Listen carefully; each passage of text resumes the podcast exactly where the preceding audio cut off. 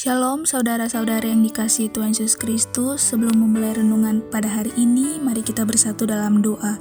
Ya Bapa yang bertata dalam kerajaan surga Puji dan syukur kami haturkan kepadamu. Ya Bapa, pada hari ini kami ingin merenungkan firman-Mu. Berilah kami hikmat agar dapat mengerti isi firman-Mu. Dalam nama Tuhan Yesus, amin. Nats bahan renungan kita pada hari ini terambil dalam Lukas pasal 2 ayatnya yang ke-13 hingga 17 Tuhan adalah penolongku. Sebab itu dengan yakin kita dapat berkata, Tuhan adalah penolongku. Aku tidak akan takut. Apakah yang dapat dilakukan manusia terhadap aku? Keamanan adalah faktor yang sangat penting bagi manusia.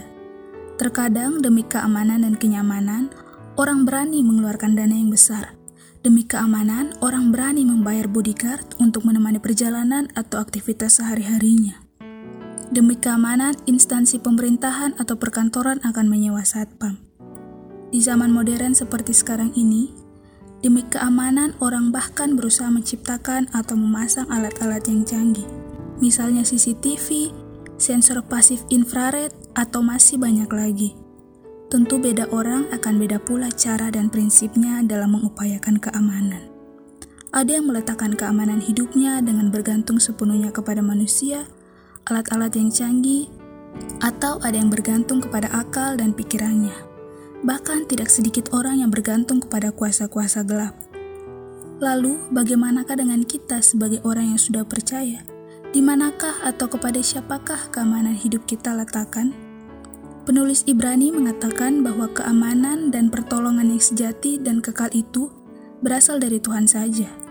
Meski kita sering merasa seolah Dia begitu jauh, Hal itu hanyalah perasaan kita saja, sebab sesungguhnya Tuhan tidak pernah berhenti dan Dia tidak pernah merasa bosan untuk melindungi dan menjaga kita.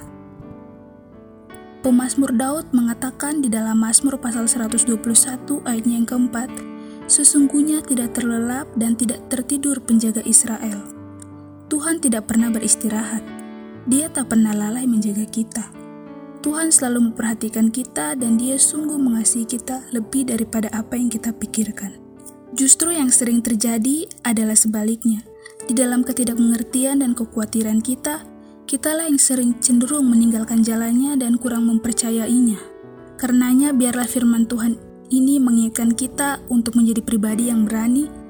Berani bukan berarti tidak takut, tetapi berani melawan rasa takut. Yakinlah bahwa bersama Tuhan kita selalu aman dan akan merasa damai dalam setiap situasi.